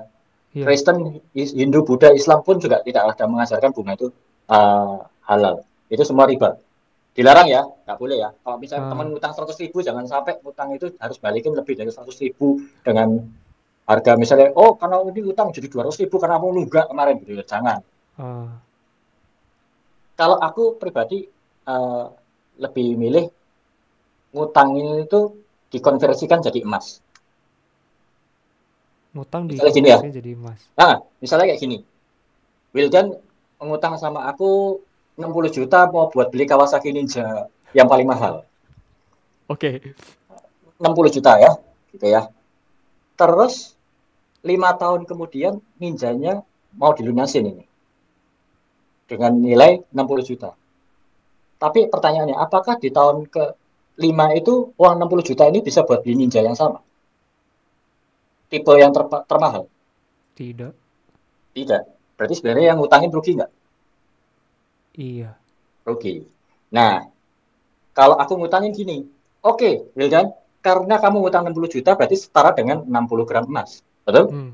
Ya benar. Oke. Berarti kalau kamu mau balikin hutang, balikin 60 gram emas ke aku. Fair? 60 gram emas ke Iya. emasnya. Iya. Oke. Oke. Ketika emas itu sudah lima tahun mendatang, 60 gram, apakah 60 gram itu bisa buat beli Kawasaki yang paling mahal di tahun itu? Oh, bisa banget. Ya udah. Kalau begitu, apakah aku memberikan kamu bunga? Aku kan ngutangin kamu 60 gram emas. Aku minta dibalikin 60 gram emas. Aku nggak minta 61 gram emas. Berarti aku nggak ada riba. Nggak ada riba. Itu berarti Nggak ada riba. riba ya? Nggak dihitung bunga itu. Walaupun kamu beli emasnya ngoyo juga. Tapi aku juga nggak mau rugi dong. Ah, Pokoknya kan gini, riba itu kan nggak boleh sebagai si pemberi hutang. Tapi si bayar hutang kan juga harus lunas. Nggak boleh kurang. ah. Tanggung jawabnya si eh, pembayar hutang kan harus bayar hutang secara lunas. Di mana kalau misalnya aku sekarang eh, ngasih kamu uang bisa buat beli barang A, maka aku harus bisa kembali. Kamu harus balikin uang supaya aku bisa beli barang A itu juga. Hmm. Kan fairnya kan begitu. Yang sama gitu ya. yang sama. Sekarang gini, misalnya kalau aku ngasih pinjaman ke orang seharga 100 juta buat dia modal usaha uh, buka toko. Sedangkan dia rencana untuk melunasinya dalam waktu 10 tahun. Oke, aku kasih deal. Tapi 10 tahun kemudian uang 100 juta itu aku tidak bisa buat beli, bikin usaha kayak dia. Oh. Berarti aku rugi dong sebagai ngasih hutang. Nah, otomatis aku mintanya dibikin bayar secara emas. Itu yang paling fair. Nah, yang nggak fair itu bank. Dia ngasih bunga, di Hmm. mana bunganya itu melebihi dari uang yang harusnya dia bayarkan. Hmm. Jadi, misalnya ada kata dikonversikan jadi emas, misalnya 100 gram emas, itu kalau bank pakai bunga, lebih dari 100 gram emas itu bunganya. Iya. Nah, itu baru riba. Oh. Kartu kredit itu riba. Riba banget itu. Riba banget. Riba banget riba kartu banget kredit. riba banget kartu kredit itu bank soalnya jadi aku eh, sebisa mungkin tidak pakai kartu kredit Iya. lebih baik aku ngutang sama diriku sendiri pakai emas Hmm. Berarti diri misalnya itu tadi ya eh Hmm. ada hutang mungkin yang rendah dulu aja nih Mas. Yang hmm, berapa gram? 10 gram misalnya itu ya. ya 10 gram misalnya 10 gram berarti eh 10 juta. Mas aku mau Ya, minjem. Mas. Mas aku mau Ya. minjem 10 juta Mas buat bayar kuliah misalnya gitu. oke bayar kuliah sip terus Nah, jadi aku mau minjem minjem, minjem nih Mas Iya. ke Mas Iya. gitu. Iya. Oke. Terus? Jadi Nah, kayak terus- eh, kita kayak ngobrol beneran mau minjem gini loh Mas. oke oke Oke. oke oke oke Hmm. jadi kamu kan pinjam 10 juta ya Nia? Iya. nah supaya kita fair kalau misalnya kamu mau lunasin kapan kamu mau lunasin ini Eh, mungkin tahun depan deh Mas. oh kalau tahun depan ya udah balikin 10 juta aja Oh. kita nggak usah repot-repot ngitung secara emas Oh iya iya. Berarti Kenapa? Karena satu, karena satu tahun nggak ada efeknya. Tetap tetap bisa bayar kuliah. Ah. Ya toh. Tapi kalau misalnya hitungannya tahun, emas itu berapa tahun? tiga tahun sampai lima tahun. Nah, anggap aja tiga tahun deh. Nah. Gitu. Oh, kamu mau cicil pinjam tiga tahun? Sekarang gini deh, aku punya anak nih. Anakku juga ntar lagi mau kuliah tiga tahun lagi. Ini sekarang dia anaknya masih SM, masih SMA, SMA kelas satu, SMA kelas satu, ya kan? Hmm, hmm, hmm. Tiga tahun dia, pasti kan dia lulus mau masuk kuliah. Kira-kira perguruan tinggimu itu eh, rate-nya tiga tahun yang lalu harganya berapa? Apakah 10 juta? Nggak mungkin juga ya. Enggak ya, 7 juta ya? Hah? Sekarang 10 juta ya? Misalnya, Iya, sekarang ini 10 kan juta. kita kan cross season ya. Dulu Iya. kan 7 juta ya. Heeh. Sekarang kan 10 juta ya. Heeh. Berarti tiga tahun lagi harganya mungkin 13 atau 15 juta dong. Iya. Iya toh? Heeh. Kalau kamu balikin aku 10 juta, aku rugi ya? Iya rugi sih. Soalnya mau masuk Rugi aku kuliah nggak? tadi. Iya, anakku nggak bisa sekolah jadinya gara-gara uangku aku pinjam. Oh, iya sih itu. Nah, lebih baik fair fairnya gini aja. Tiga tahun yang lalu kalau andai kata kamu beli 10 gram, bisa kuliah nggak? Bisa 10 Bisa. Ha. Kalau tahun sekarang, sekarang kamu pinjam 10 juta, setara dengan 10 gram emas, bisa buat bayar kuliah nggak? Enggak, soalnya 13 juta tadi. Enggak. Oh, oh, Seka- iya iya sekarang sama kan sama sama. pinjam 10 juta, Iya iya Iya iya kan? iya. masih bisa buat bayar kuliah kan? Iya. Nah, 10 gram emas ini pasti juga bisa buat bayar kuliah tiga tahun lagi. Oh. Jadi- Boleh nggak kalau misalnya kamu hutang sama aku, tolong balikin ke aku setara dengan 10 gram emas saja, jangan uang. Ah. Iya iya iya. Gitu. iya. Nanti kalau kamu udah balikin aku berupa emas atau berupa uang yang setara dengan jumlah emas, nanti aku yang beli sendiri deh emasnya. Pokoknya kamu balikin emas hari ini harganya sekian, kamu bayaran segitu, segitu, selesai. Hmm. Hmm. Mas, saya mau bayar hutangnya, Mas. Satu juta dulu. Oke, saya cek dulu ya harga emas hari ini. Oh, ternyata harga hari ini turun kok. Masih 850 ternyata. Malah Iya. untung kamu. Uangmu nggak perlu bayar satu juta. Bayar hutangmu. Ya toh? Iya. Karena emasnya turun. Iya Tapi iya aku iya. dapat emas satu gram. Cepet. Oke, sudah lunas ya hutang hari ini gitu. Ah. Eh, besoknya ternyata harganya 900 naik. Tapi baru satu juta. Lumayan. Kamu hemat Ah. 100 ribu. Ya kan? Iya iya. Pokoknya aku dapat satu gram emas. Selesai. Oh, iya sih. Oh, tiba-tiba emas harganya naik 100 ribu. Eh, jadi satu juta. Ya, kamu tetap bayar uang satu juta sesuai dengan hutangmu yang pertama. Jadi, Hmm. ketika kamu lunas itu uangnya nggak 10 juta. Kadang-kadang bisa turun jadi 9 juta. Gara-gara kamu nyicilnya pakai 800, 900, 1 juta. Iya Ya ya. kan? Ya kan? Iya. Tapi aku dapat emas 10 gram. Ketika Ah. emas 10 gram ini, aku udah terkumpul, utangmu lunas. Belum tentu uangmu itu 10 juta yang kamu balikin ke aku. Iya ya.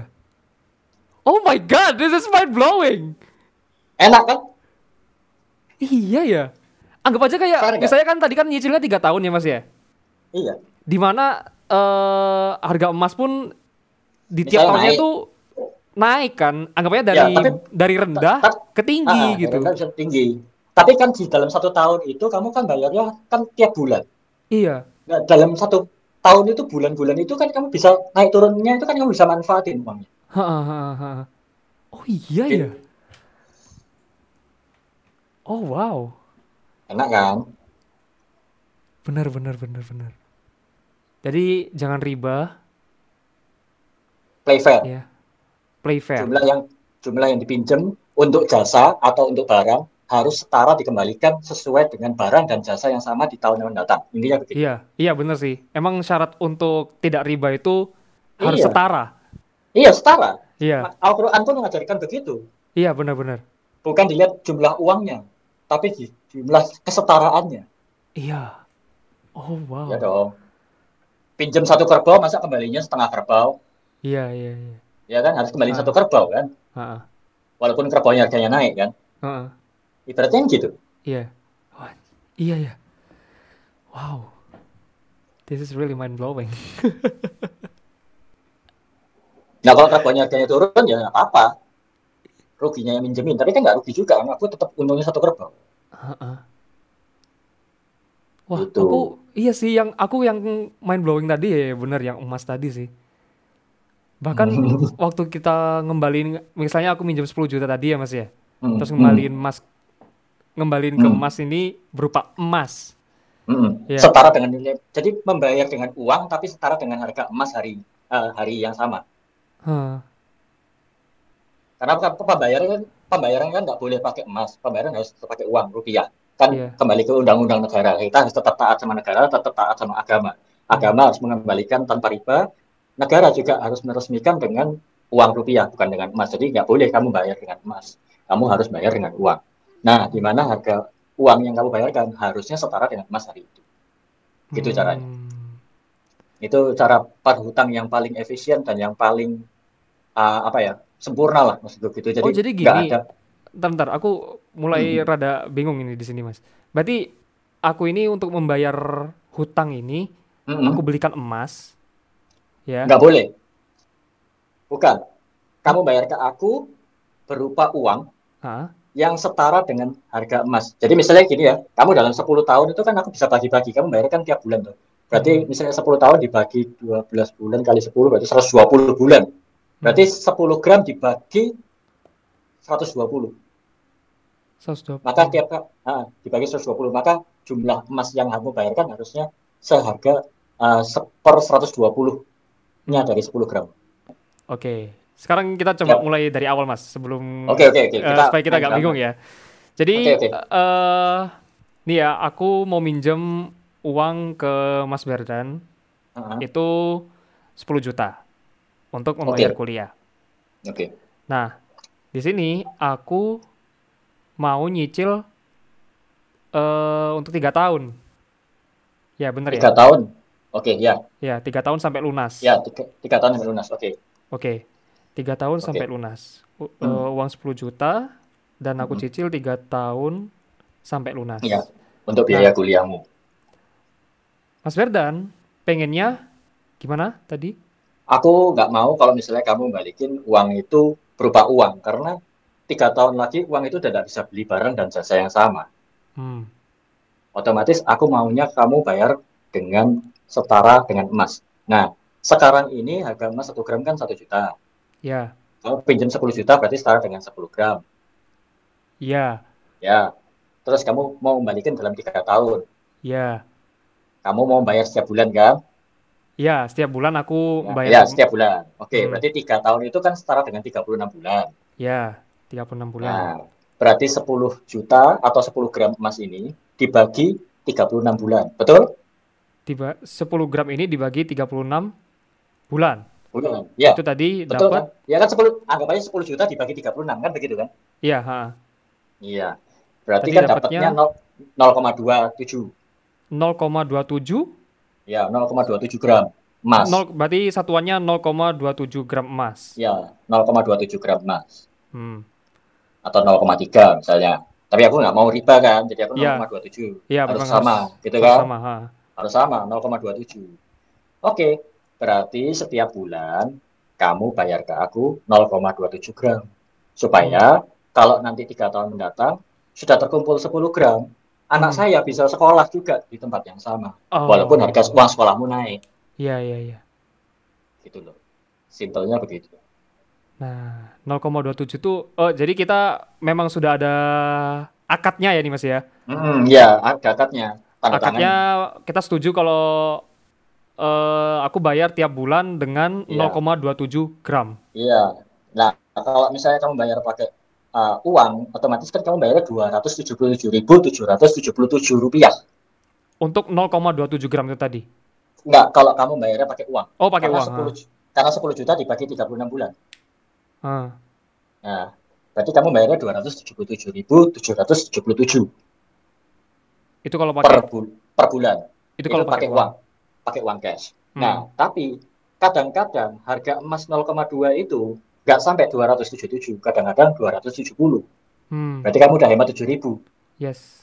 Kalau misalnya besok ternyata 200 stok, berarti kamu nggak usah bayar 77.000. Lumayan Iya. bulan depannya, ya kan? Ah. Mungkin di tahun-tahun pertama, bahkan kamu nggak kembalikan eh, setara dengan uang. Mungkin kurang dari uang yang kamu bayarkan. Tapi saya punya emas yang setara dan sepadan dengan barang dan jasa yang kamu miliki. Nah, Nah, berarti gitu. misalnya aku udah beli nih Mas 0,27 gram tiap bulannya. Iya, Nah, itu eh harus aku uangkan. kamu transfer ke aku sejumlah harga emas hari itu. Karena hari itu ketika kamu transfer, aku langsung beli emas buat aku sendiri.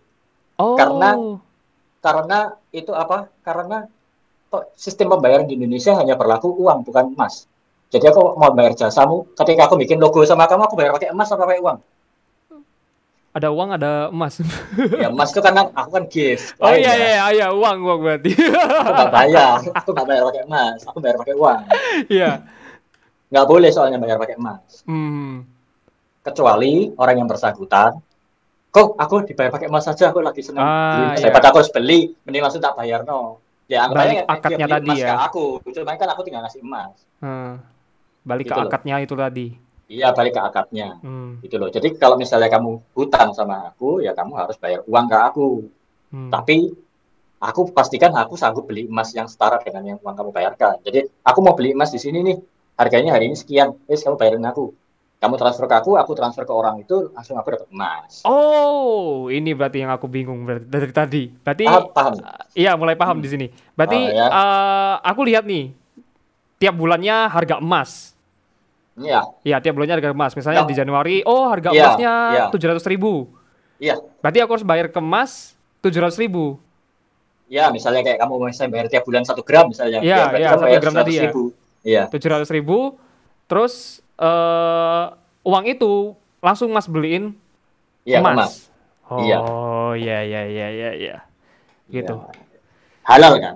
Halal halal halal. Halal. Halal banget. Halal banget. Oh, gitu ya. Berarti ya akadnya tadi 0,27 gram per bulan tadi. Ya 0,27 gram itu di bulan itu berapa? Ya bayar segitu. Kalau kamu mau tahu sejarahnya bank tuh gimana sih? Sejarahnya Gimana? bank tuh begini.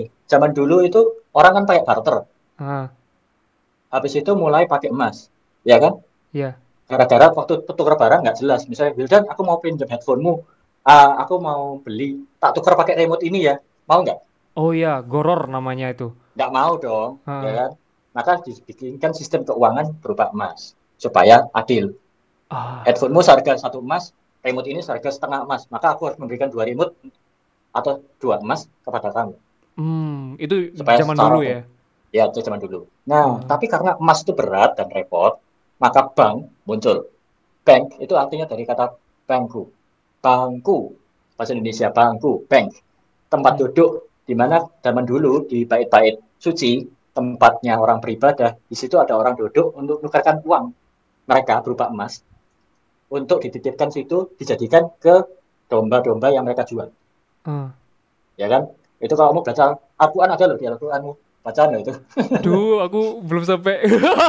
Nggak baca sampai situ- artinya. di situ di situ nanti orang-orang menitipkan emasnya dia dan dikasih uang kertas. Ah, tujuannya apa? Supaya ringan Oh. nah ketika uang itu uh, tulisan itu IOU IOU itu aku mau hutang sama kamu ah.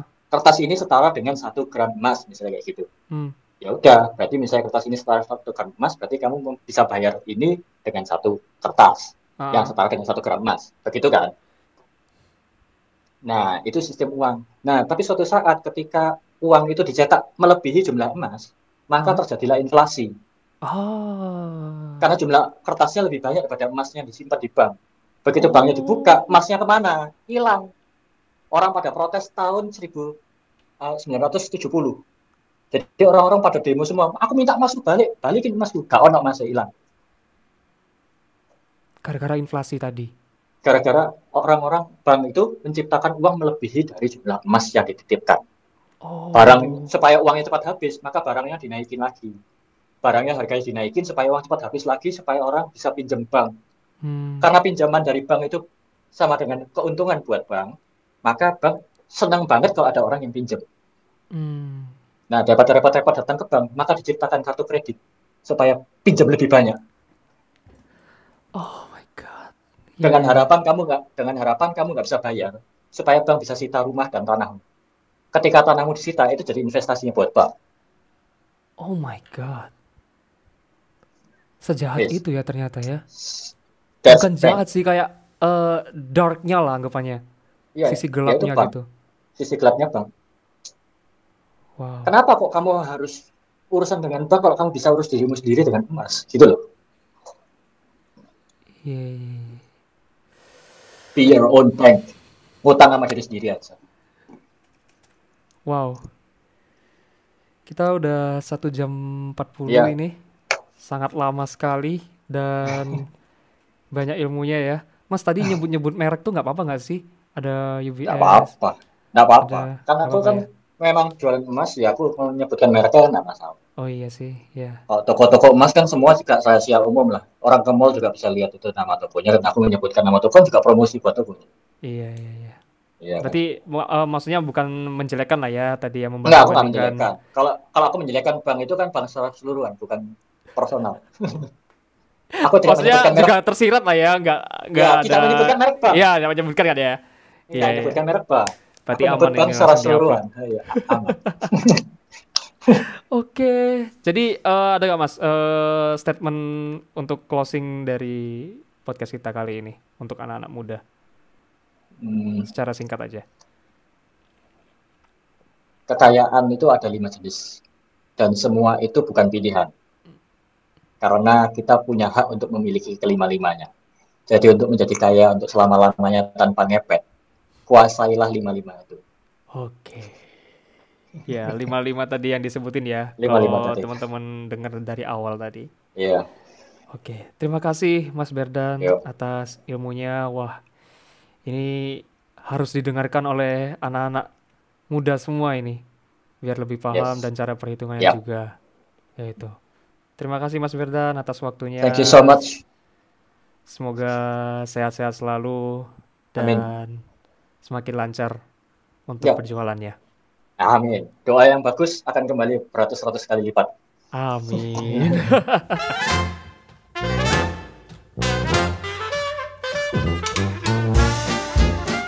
Terima kasih sudah mendengarkan Ngeteh Yuk Will di Spotify. Oh iya, kalau lagi dengerin, jangan lupa tag di story Instagram kamu ya. Sampai jumpa di episode selanjutnya.